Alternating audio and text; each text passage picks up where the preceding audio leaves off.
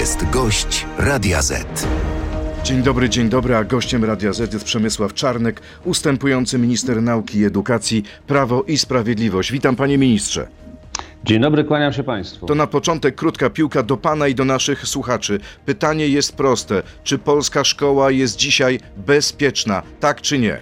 Tak. Tak odpowiada nasz gość, a czy Państwo mają podobne zdanie? Zapraszam do głosowania, zapraszam na y, i proszę wejść na stronę radioz.pl i odpowiedzieć, czy polska szkoła jest dzisiaj bezpieczna. Y, Panie ministrze, a pan wie, co wydarzyło się w ostatni piątek w Kluczborku? Tak. No właśnie, w ostatni piątek starły się tam ze sobą dwie zwaśnione grupy uczniów z dwóch leżących blisko siebie szkół. Bójce przyglądał się tłum gapiów. Tylko jedna osoba próbowała powstrzymać agresję młodzieży, reszta, reszta nagrywała zdarzenie. I gdzie tutaj mowa o Ale bezpiecznej bójka- szkole? Ale bójka nie była na terenie szkoły, jak rozumiem, tak? To prawda, wyszli uczniowie na pobliski plac. Na terenie, na, terenie, na terenie szkoły jest bezpiecznie. Poza szkołą za uczniów odpowiadają rodzice, a z kolei ci, którzy przyglądają się bójce i nie reagują na to i nie wzywają odpowiednich służb natychmiast, są również współwinni temu, co się dzieje. Szkoła polska jest bezpieczna. W polskich szkołach tego rodzaju rzeczy nie zdarzają się, bądź zdarzają się incydentalnie, bardzo incydentalnie. Natomiast od czasu do czasu tego rodzaju zachowania młodych ludzi widzimy na ulicach miast, tylko to już jest, szanowni państwo, problem przede wszystkim wychowania w rodzinach, wychowania przez rodziców, przez e, dziadków i reakcji tych, którzy na to wychowanie powinni zwracać uwagę. W szkole takie rzeczy, jak państwo wiecie, nie mają miejsca A albo mają może- miejsca całkowicie A incydentalnie. może to jest też kwestia policji, która nie zareagowała, a za to odpowiada już państwo. Ale rozumiem, że policja została zawiadomiona. Jak została zawiadomiona, to reagowała, tak? No dobrze, ale to, było już, to była już musztarda po obiedzie. To już było po całej bójce. Ale, panie redaktorze, rozumiem, że bójka nie odbywała się przed komisariatem policji, a pan mówi, że tłum przechodniów y, y, i gapiów przyglądał się bez reakcji, tylko jedna osoba zareagowała, wezwała służby. Rozumiem, że jak służby zostały wezwane, to oczywiście zareagowały. A czy szkoła nie odpowiada za wychowanie tej młodzieży, za Panie agresję? redaktorze, funkcję wychowawczą spełniają rodzice. Szkoła spełnia funkcję wychowawczą pomocniczą. Dyrektorzy szkół i nauczyciele odpowiadają, i to bardzo dobrze robią, bardzo dobrze robią, za to dziękuję dyrektorom i nauczycielom, odpowiadają za bezpieczeństwo uczniów na terenie szkoły i tam jest bezpiecznie. Y, Czy dysponuje pan minister y, jakimiś badaniami dotyczącymi agresji w szkole? Jak to wyglądało przez ostatnie 8 lat? Czy ona spadła, czy się zwiększyła? Dysponujemy, dysponujemy badaniami, nie badaniami, tylko statystykami policji i przestępczości wśród osób młodocianych i one wcale nie rosną. Nawet na przestrzeni dwóch e, wcześniejszych lat spadały. E, e, To są statystyki, które są ogólnodostępne. Natomiast rzeczywiście każda te, każde tego, tego typu wydarzenie, jak to, o którym mówimy, jest bulwersujące i wymaga natychmiastowej reakcji wszystkich możliwych służb, łącznie z dyrektorem szkoły i nauczycielami, wychowawcami. To jest zupełnie oczywiste, ale ten jeden przypadek i brak reakcji głapiów na, na zdarzenia, które były absolutnie skandaliczne, y, i brak reakcji, i reakcja tylko jednego człowieka, który wezwał służby, powinien dawać do myślenia wszystkim. I Szkoła rozumiem, że Ministerstwo Edukacji i Nauki i minister edukacji za to nie odpowiada. Pan ma czyste sumienie. Nie poczuwa się Ale pan panie do redaktorze, panie odpowiedzialności. redaktorze, panie redaktorze, czy minister edukacji i nauki odpowiada za to, że na ulicy gdzieś bije się dwóch młodych ludzi, a gapie nie reagują? Ale wydaje się, że nauczyciele, że profesorowie, że szkoła powinna mówić uczniom i wychowywać ich, żeby tak się nie Ależ zachowywali. oczywiście, ależ oczywiście, że tak robi, dlatego na e, 4 miliony 700 tysięcy uczniów tylko ta grupka ostatnio się pobiła. Oczywiście, że to jest o grupkę za dużo, natomiast nie róbmy z tego przypadku charakterystyki całej naszej młodzieży. Nasza młodzież i uczniowie to naprawdę są dobrze wychowani ludzie przez swoich rodziców w dobrych rodzinach i w dobrych szkołach. Takie przypadki muszą dawać do myślenia, muszą być wyciągane wnioski, ale nie róbmy z tego jakiejś generalnej sytuacji, rozrzucając teraz odpowiedzialność na dyrektorowi nauczycieli. Powtarzam, w polskich szkołach jest bezpiecznie. Dobrze, to teraz porozmawiajmy o tym, co będzie działo się w Sejmie na najbliższym posiedzeniu. Jedną z pierwszych decyzji rządu PiSu było zlikwidowanie dofinansowania programu in vitro. Zmienimy to już w najbliższą środę i przywrócimy szansę na szczęście tysiącom polskich rodzin, zapowiada prezes PSL-u Władysław Kosiniak-Kamysz. Jak pan zagłosuje w tej sprawie? Przeciwko. A dlaczego? Dlatego, że środki finansowe na in vitro mogą być przeznaczone zdecydowanie na leczenie bezpłodności, y, na większe, na skuteczniejsze leczenie bezpłodności. Natomiast in vitro w Polsce jest legalne. Jeśli ktoś chce z niego korzystać, proszę uprzejmie. Ale właśnie pański szef obecny jeszcze, premier Morawiecki, zaproponował bon rodzicielski w wysokości 20 tysięcy złotych dla rodziców, którzy mają problemy z prokreacją. I wczoraj na własne uszy słyszałem, jak mówił, że będą mogli go przeznaczyć na finansowanie in vitro. Bon rodzicielski trzeba jeszcze. To tutaj jest problem między panem a panem premierem. Bon rodzicielski trzeba jeszcze doprecyzować. Chciałbym usłyszeć od pana premiera, na co dokładnie te środki finansowe miały pójść e, e, i będziemy to rozważać. Natomiast ja będę na pewno przeciwko finansowaniu in vitro z budżetu państwa. A co jest złego w finansowaniu in vitro z budżetu państwa? Szanowni Państwo, mamy dzisiaj ogromne problemy na przykład z finansowaniem pobytu starszych ludzi w domach pomocy społecznej, z opieką nad ludźmi, którzy leżą na czwartym piętrze czy na trzecim piętrze wieżowców. Na to trzeba wydawać pieniądze. Natomiast na in vitro można oczywiście się umówić, można ten zabieg wykonać. W Polsce in vitro jest legalne, nie widzę przeszkód. No ale człowiek, y, o którym mówił pan z tak wielką sympatią w ostatnich y, czasach, prezes PSL-u Władysław Kośniak-Kamysz, sugeruje, że PiS odbierał szczęście polskim rodzinom, nie finansując się in vitro. tu się pan, tu się pan Władysław Kośniak-Kamysz głęboko myli. Otóż my polskim rodzinom szczęście przywróciliśmy wówczas, kiedy on skończył rządzić w 2015 roku i kiedy myśmy wprowadzili 800 plus dla wszystkich dzieci, we wszystkich rodzinach, 500 plus, a teraz będzie 800 plus, we wszystkich rodzinach w całej Polsce. Panie ministrze. Dziesiątki miliardów złotych dla szczęścia dla polskich rodzin. Jakoś o Różnimy tym się w szczęściu, jakoś o tym szczęściu ludzie nie pamiętali 15 października, skoro 7 pozbawili milionów, was władzy. 7, 7 milionów 660 tysięcy osób, czyli 35,4%, czyli największy odsetek w Polsce. O tym pamiętał i głosował na Prawo i Sprawiedliwość. Proszę o tym pamiętać, panie redaktorze. Ale większości nie macie, proszę o tym pamiętać, panie ministrze. Oczywiście, że pamiętam. Tak jest. Czy Słuchamy. przeprosi pan, panie ministrze, czy pan przeprosi pana marszałka Hołownię za uczyniony mu afront? Jaki? No powiedział pan do niego per marszałku rotacyjny. A kto wymyślił funkcję marszałka rotacyjnego? Pan Hołownia z panem Czarzastym w imię e, ambicji pana Czarzastego. Ja tego nie wymyśliłem. Przecież państwo słyszeliście, że funkcja marszałka ma być rotacyjny, będzie marszałek rotacyjny. Słyszeliśmy to długo przed objęciem funkcji przez pana marszałka Szymona Hołownię. No przecież gdybym to ja wymyślił, to bym powiedział, no rzeczywiście. Ale przecież to oni wymyślili marszałka rotacyjnego. Dlaczego ja mam przepraszać za coś, co oni wymyślili? No ale to brzmiało jak szyderstwo, panie marszałku. P- To nie panie, jest szyderstwo. Panie, Marszałek panie został- ministrze nierotacyjny.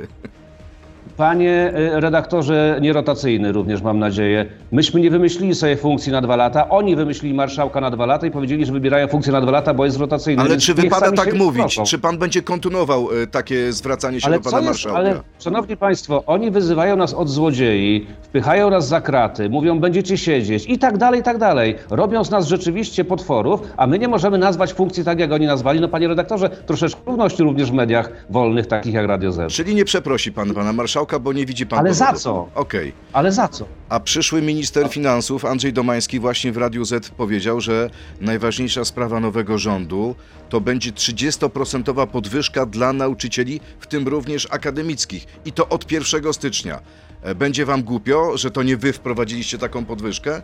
Otóż jeszcze raz powtarzam to, co mówię od kilku dni. Z 30% podwyżki, którą oni chcą wprowadzić, my przeznaczyliśmy 12 miliardów 170 milionów złotych w subwencji na przyszły rok. Oni muszą znaleźć dodatkowe 11. Jeśli znajdą do naszych 12 miliardów 170 dodatkowe 11, to dołożą do tego jakieś 45%, my 55% na te podwyżki już znaleźliśmy. Skąd wezmą te 11 miliardów? Pewnie z obronności, pewnie z programów społecznych, pewnie z tego, że ten sam pan Domański nie chce zerowego, zerowego, procent, zerowego oprocentowania VAT-em na żywność po to, żeby chronić Polaków przed inflacją. Z czegoś Polakom zabiorą, żeby dać te 11 miliardów więcej. Ale tak czy inaczej, z tych y, 30%, które chcą wprowadzić, my 12 miliardów 170 już znaleźliśmy, muszą oni znaleźć to 111, 11. W związku z tym myśmy znaleźli już 55% na te podwyżki. Panie ministrze, to teraz pora na krótką piłkę odsłona numer dwa. Poproszę również o krótkie odpowiedzi tak albo nie. Uczniowie stracą, kiedy odejdę z resortu. Tak czy nie? Nie wiem. Jeśli prezes Kaczyński przejdzie na emeryturę, będę kandydował na szefa PiSu. Tak czy nie? Nie. Lekcje religii powinny zostać przeniesione ze szkoły do salek przykościelnych. Tak czy nie? Nie. I mamy odpowiedź naszych słuchaczy na pytanie zadane na samym początku. Na pierwszą krótką piłkę. Czy polska szkoła jest bezpieczna? Nie odpowiada 83% uczestników sądy, 17% twierdzi, że tak. Naszym gościem jest Przemysław Czarnek, minister edukacji i nauki. Przechodzimy teraz do internetu na Radio Z.pl, Facebooka i YouTube'a. To jest gość Radia Z. Panie ministrze, no ale wrażenie uczestników naszej sądy jest jakie jest. Jak pan to wytłumaczy? W bardzo prosty sposób, jeśli nasi uczestnicy naszej sądy widzą wiadomości pojawiające się od y, kilkudziesięciu godzin właśnie tego rodzaju, to siłą rzeczy mają wrażenie, że szkolenie jest bezpieczne. Powtarzam, ile pan redaktor wyliczy naszym słuchaczom przypadków bujek na terenie szkoły w ostatnich pięciu latach? Czyli pana zdaniem jest absolutnie Nie, ale lepiej, a nie gorzej. Ale to są proste rzeczy. Czy pan re- redaktor jest w stanie wskazać bójki na terenie szkoły w ciągu ostatnich pięciu lat? Ja pytam pana, panie ministrze, No ma, o no nie statystyki, No o, nie ma. o no nie ma. realną Na analizę. na terenie szkoły nie ma tego rodzaju zdarzeń. Poza szkołą za dzieci odpowiadają rodzice. Więc rodzice, kochani, naprawdę patrzmy na to, co robią nasze dzieci poza szkołą, bo to jest wasza odpowiedzialność, jak te dzieci wychowujecie. Na terenie szkoły bujek nie ma. Panie ministrze, kiedy y, skład swego rządu przedstawi pan premier Morawiecki?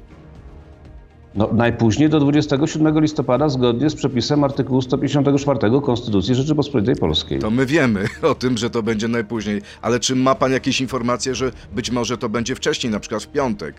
Nie, nie mam takiej informacji. A czy pan dostał propozycję wejścia do tego rządu? Nie, nie dostałem. A jak pan dostanie to, co pan y, odpowie panu premierowi?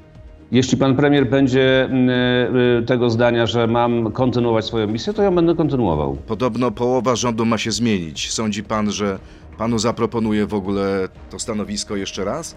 Nie wiem, panie redaktorze, nie znam koncepcji pana premiera na nowy rząd. Wiadomo, że musi być on podkoalicyjny, w związku z tym każda decyzja pana premiera będzie tutaj dobra. Czy ja y, dobrze usłyszałem? Podkoalicyjny?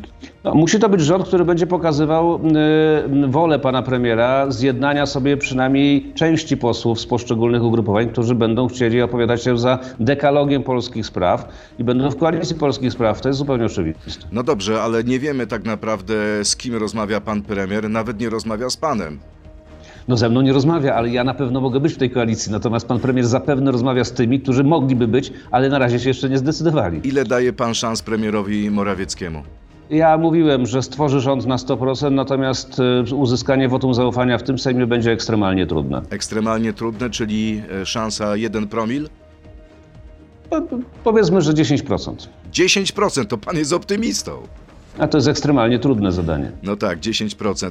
Czy na dzisiejszym posiedzeniu Sejmu będzie powtórka z rozrywki i znowu panowie ministrowie ustępującego rządu będziecie korzystać z tego artykułu 186 regulaminu i prosić Ja o głos w każdym momencie? Ja nie wiem, panie redaktorze, ale pan redaktor wie, że to jest możliwe, bo taki jest przepis regulaminu i możemy to zrobić. Natomiast na pewno na dzisiejszym posiedzeniu Sejmu będzie skandal kolejny, ponieważ największe ugrupowanie w Sejmie otrzymało propozycję od większości sejmowej składającej się z kilkunastu ugrupowań objęcia zaledwie pięciu komisji sejmowych, jeśli chodzi o ich przewodniczenie, z czego dwóch średnich, a trzech małych, żadnej dużej. Przypomnę, że kiedy myśmy cztery lata temu rozpoczynali kadencję z bezwzględną większością głosów, to opozycja otrzymała 14, 14 komisji. Nam, największemu klubowi, na który oddało głos 35,4% wyborców, 7 milionów 660 tysięcy, oferuje się, i to jest też z łaską, pięć komisji, z czego trzy małe i dwie średnie. To jest antydemokratyczny skandal w wykonaniu aktualnie tworzonej większości sejmowej. Panie ministrze, ale jest pan pewien, że rzeczywiście taki ma być układ, taka jest propozycja, to może jeszcze się zmienić przed rozpoczęciem posiedzenia. Mam nadzieję, dlatego o tym mówił pana w Radiu Z. To ile, ile, po, ile chce, ilu chcecie e, komisjom przewodniczyć? Według, według arytmetyki sejmowej i układu sił w Sejmie powinniśmy przewodniczyć 12. Przypominam, że my mając bezwzględną większość 4 lata temu, daliśmy opozycji 14 komisji. Natomiast oni nam oferują 5, z czego tylko dwie średnie, żadnej dużej. To jest standard antydemokratyczny, to charakterystyczny dla totalnej opozycji, a dziś totalnej większości. A jeśli tak się stanie, jeśli to się nie zmieni, to co wtedy zrobicie? to wtedy będziemy protestować głośno przeciwko łamaniu obyczaju demokratycznego w polskim Sejmie i lekceważeniu 7 milionów 660 tysięcy wyborców, którzy oddali głos na nas. I pan zabierze głos znowu w trybie Nie artykułu 186? Nie wiem, nie wiem. No ale chyba pan wie, co pan o tym myśli, bo mówi pan o skandalu. Ale no, jeśli to się nie zmieni, to to będzie skandal, a kto będzie zabierał głos w naszym imieniu, to zobaczymy. No dobrze, to teraz y, porcja pytań od naszych y, słuchaczy. Wiemy, że pan się spieszy, więc ta rozmowa dzisiaj jest krótsza. Czy zgodzi się pan, to jest cytat, ośmieszyć i wejdzie pan do rządu Morawieckiego? Wejście do rządu pana premiera Mateusza Morawieckiego nigdy nie jest ośmieszeniem, tylko jest służbą ojczyźnie, którą świetnie wykonywaliśmy przez ostatnie 8 lat. Kolejne- Sześć pod rządami Mateusza Morawieckiego. Kolejne pytanie, co z programem laptopy dla czw- czwartoklasisty w przyszłym roku? Proszę pytać ewentualnego rządu, który powstanie. Jeśli to będzie rząd Mateusza Morawieckiego i ze mną w składzie, to będę mógł Państwu powiedzieć, na pewno będzie program kontynuowany. Jeśli to będzie Tusk i jego ludzie, podejrzewam, że kontynuowany nie będzie, bo będą szukać pieniędzy na wszystkie inne rozwiązania, tylko nie na to. W Rządowym Centrum Legislacji kolejne pytanie. Znajduje się pański projekt dotyczący 30% podwyżki dla kadry akademickiej. Minister Finansów stwierdziła, że nie ma na ten projekt pieniędzy. Jak pan się do tego ustosunkuje? Póki co mamy pieniądze na 20% podwyżek dla kadry nauczycielskiej od 1 stycznia. Od profesora po asystenta szukamy kolejnych. Mam nadzieję, że one się znajdą. Kolejne pytanie. Co w najgorszym wypadku może się w pana ocenie wydarzyć, jeśli resort edukacji zostanie przejęty przez kogoś z lewicy? Totalna ideologizacja polskich szkół, wejście z ideologią marksistowską i genderowską do polskich szkół, również y, w mniejszych miejscowościach. Liczę na mądrość naszych nauczycieli i dyrektorów, bo przy przytłaczającej większości to są ludzie, którzy na pewno będą bronić wolności polskiej szkoły. Kolejne pytanie. Po co się pan obrusza, gdy tyle osób słusznie mówi, że z wyraźną złośliwością powiedział pan e, do Szymona Hołowni, panie marszałku rotacyjny. Jako osoba pracująca w szkole potwierdzam, że w naszych murach panuje wielka ulga związana z pana odejściem. Na zdrowie. E, Czy nie uważa pan, że sformułowania kierowane do marszałka Sejmu typu teraz ja mówię są wyrazem braku kultury i proszę nie mówić o tym, co rzekomo zrobiła opozycja. Chodzi o pana, panie ministrze, stosunek do konstytucyjnego organu drugiej osoby w państwie. Konstytucyjny organ, druga osoba w państwie przerywała moją wypowiedź w sytuacji, kiedy mówiłem o wypowiedziach przeciwników politycznych. To nie jest w, tonie demokratycznym, to nie jest y, w tonie kultury osobistej, którą powinien mieć marszałek Sejmu. Dlatego powiedziałem teraz, ja mówię panie marszałku, bo po raz kolejny przerwał mi w sytuacji, kiedy nie miał do tego żadnych powodów. Y, y, Szanowni Państwo, oceniajcie ludzi równo, a nie tylko i wyłącznie pod kątem obrazków, które widzicie w TVN-ie. Kolejne pytanie. Chodzą słuchy, że ma pan być kandydatem na prezydenta miasta Lublina. Czy ma pan już pomysł na kampanię Czytałem, wyborczą? czytałem, czytałem o tym w prasie opozycyjnej. Póki co nie ma żadnych kandydatów na prezydenta Lublina po stronie Prawa i Sprawiedliwości. Dopiero trwają prace nad wyłonieniem takiego kandydata. Jak pan ocenia zapowiedzi Szymona Hołowni o zlikwidowaniu tzw. zamrażarki sejmowej? Sytuacja, że ustawy miesiącami leżały bez rozpatrzenia, to czynnik pana zdaniem wzmacniający czy osłabiający demokrację parlamentarną? Pierwszy test, pierwszy test, zobaczymy. Y, Jest, y, y, jest nasz projekt ustawy o zerowym, zerowej stawce VAT-u na żywność od 1 stycznia. Zobaczymy, co zrobi z tym pan marszałek Sejmu. Kolejne pytanie. Słuchacz o imieniu Grzegorz. Gdzież, gdzieś o uszy mi się obiło, że urodził się pan w kole. To prawda? Tak jest. Tak jest. I teraz jest pytanie naszego słuchacza, czy raczej stwierdzenie. Chciałbym zapytać, czy w dającej się przewidzieć przyszłości będzie pan właśnie w kole? Pewnie będę tu w opozycji do większości pytających, ale z chęci uścisnąłbym panu dłoń. Bywam w kole, choć nie za często, dlatego że mieszkam na stałe w Lublinie od 32 lat i z tym miastem y, jestem związany już również rodzinnie, ale z chęcią do koła zawsze powracam. W kole się urodziłem, nie wychowywałem. Tam po prostu był dobry szpital w 77 roku, kiedy się rodziłem. Aha, czyli rodzice wybrali szpital.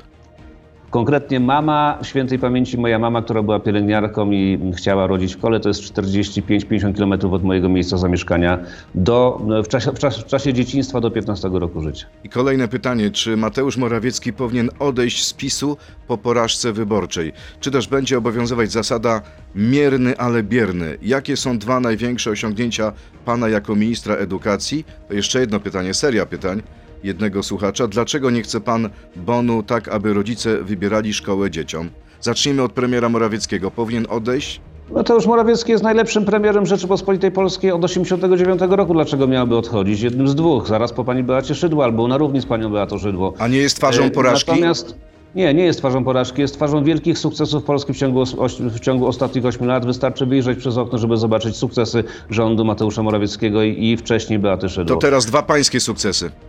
Laboratoria przyszłości, nowoczesność polskiej szkoły, historia i teraźniejszość. I co z bonem, który mógłby dać szansę rodzicom wyboru szkoły dzieciom? Nie jest to w naszym programie na pewno nie będzie to realizowane, bo szkoła powinna być powszechna i równa dla wszystkich. y, Szkoła równych szans w każdym miejscu w, polskim, y, w w każdym polskim województwie i do tego zmierzamy. Mówi się, to już pytanie ode mnie, panie ministrze, że nowa koalicja podzieli ten resort pański na naukę i edukację. To byłby dobry pomysł? To jest sprawa nowej koalicji, jeśli ona powstanie. Myśmy połączyli te resorty po pięciu latach naszych rządów i wydaje się, że to jest bardzo dobre rozwiązanie. Mówi się, że to podobno był prezent osobisty dla pana.